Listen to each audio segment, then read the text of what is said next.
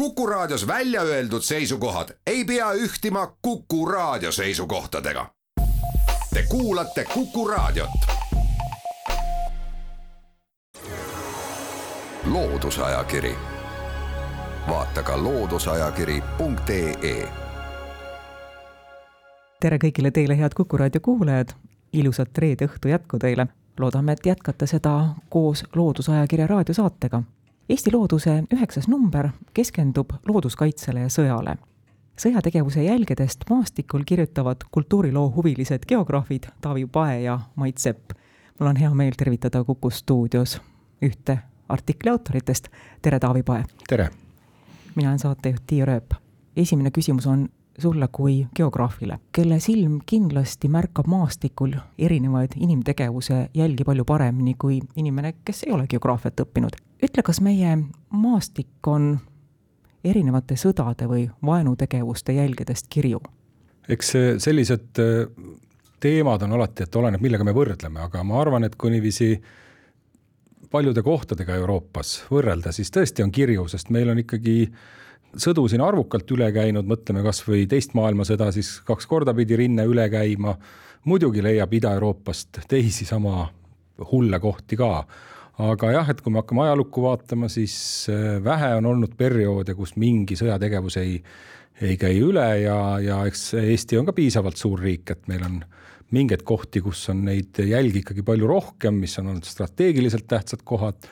Ja mõnes kohas ikkagi on neid, neid raske leida, neid sõjamärke, nii et äh, ma arvan, et jah, millega me võrdleme, aga üldiselt ikkagi neid on ja see tuleb meie geograafilisest asukohast. mis piirkonnast leiab kõige enam sõjategevuse jälgi, Ida-Virumaa, pakun?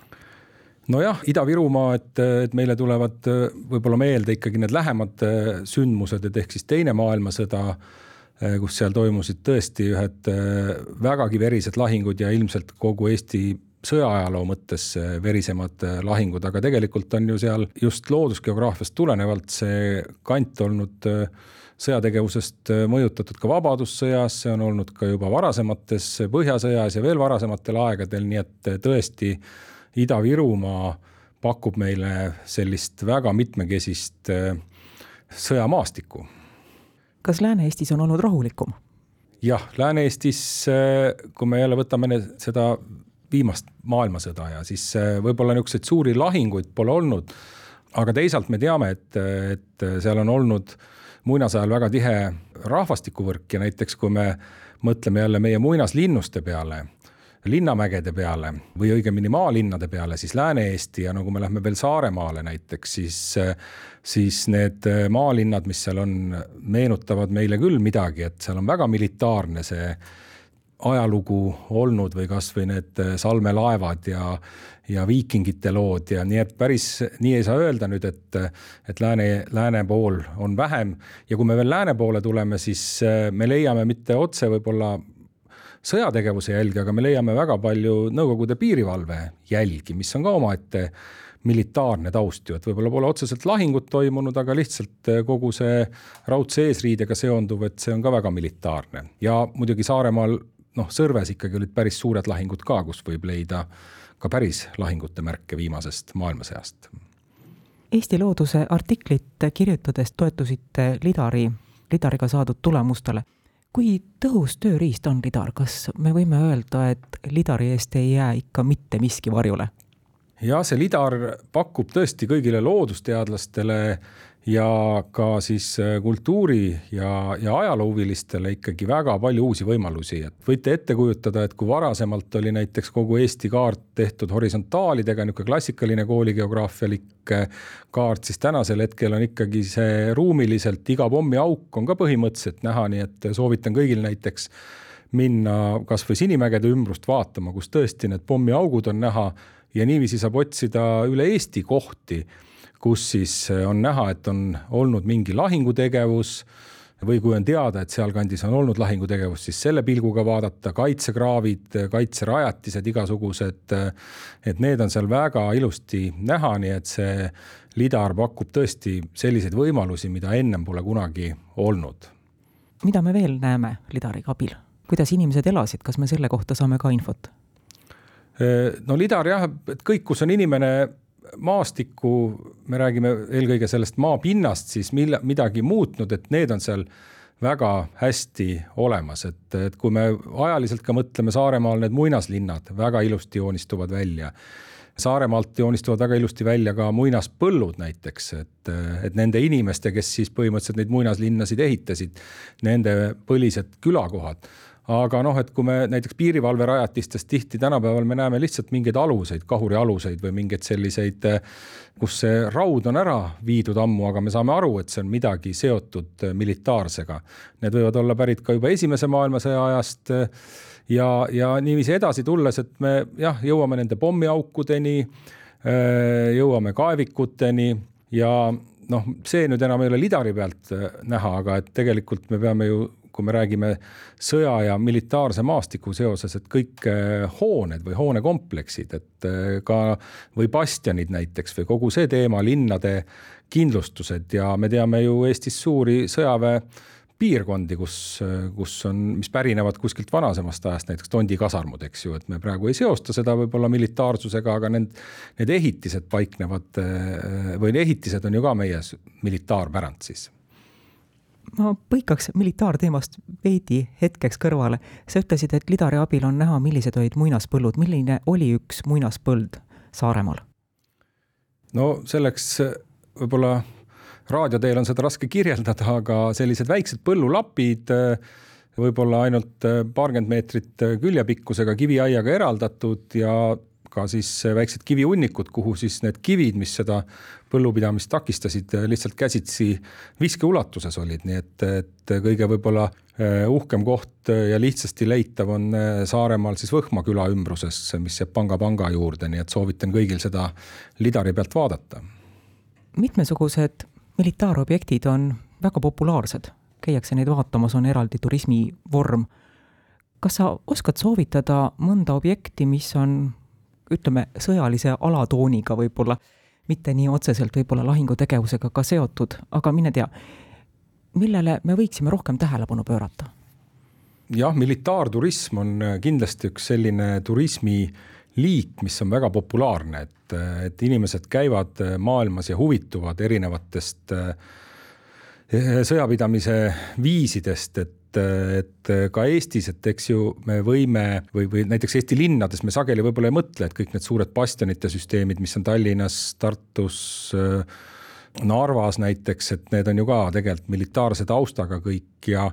ja me peame võib-olla mõtlema ka sellele, et enamik Eestis olevat militaarpärandist ei ole üldse Eestiga nagu seotud, et need on kellegi teise tehtud siia pikkade aastasadade jooksul. Aga et võib-olla jah, tasuks näiteks avastada neid just muinaslinnasid, et, et, et me teame, mõned nendest on sageli külastatavad, aga tegelikult on meil neid päris arvukalt, nii et, et võib-olla on päris huvitav otsida üles neid meie oma kunagisi muinaslinnuseid, mõne pealt võite leida ka sellise pronksist kaardi, mis kolmekümnendatel aastatel sinna pandi kampaania korras, et just toonitada seda meie oma muistset vabadusaega, kui mis iganes romantiliselt see ka ei kõla, aga et need nagu siis olid meie, meie oma asjad, nii et, et muinaslinnuste selline otsimine, sest mõned neist, eks nad ole ju teada, et nad on sageli muinsuskaitse all,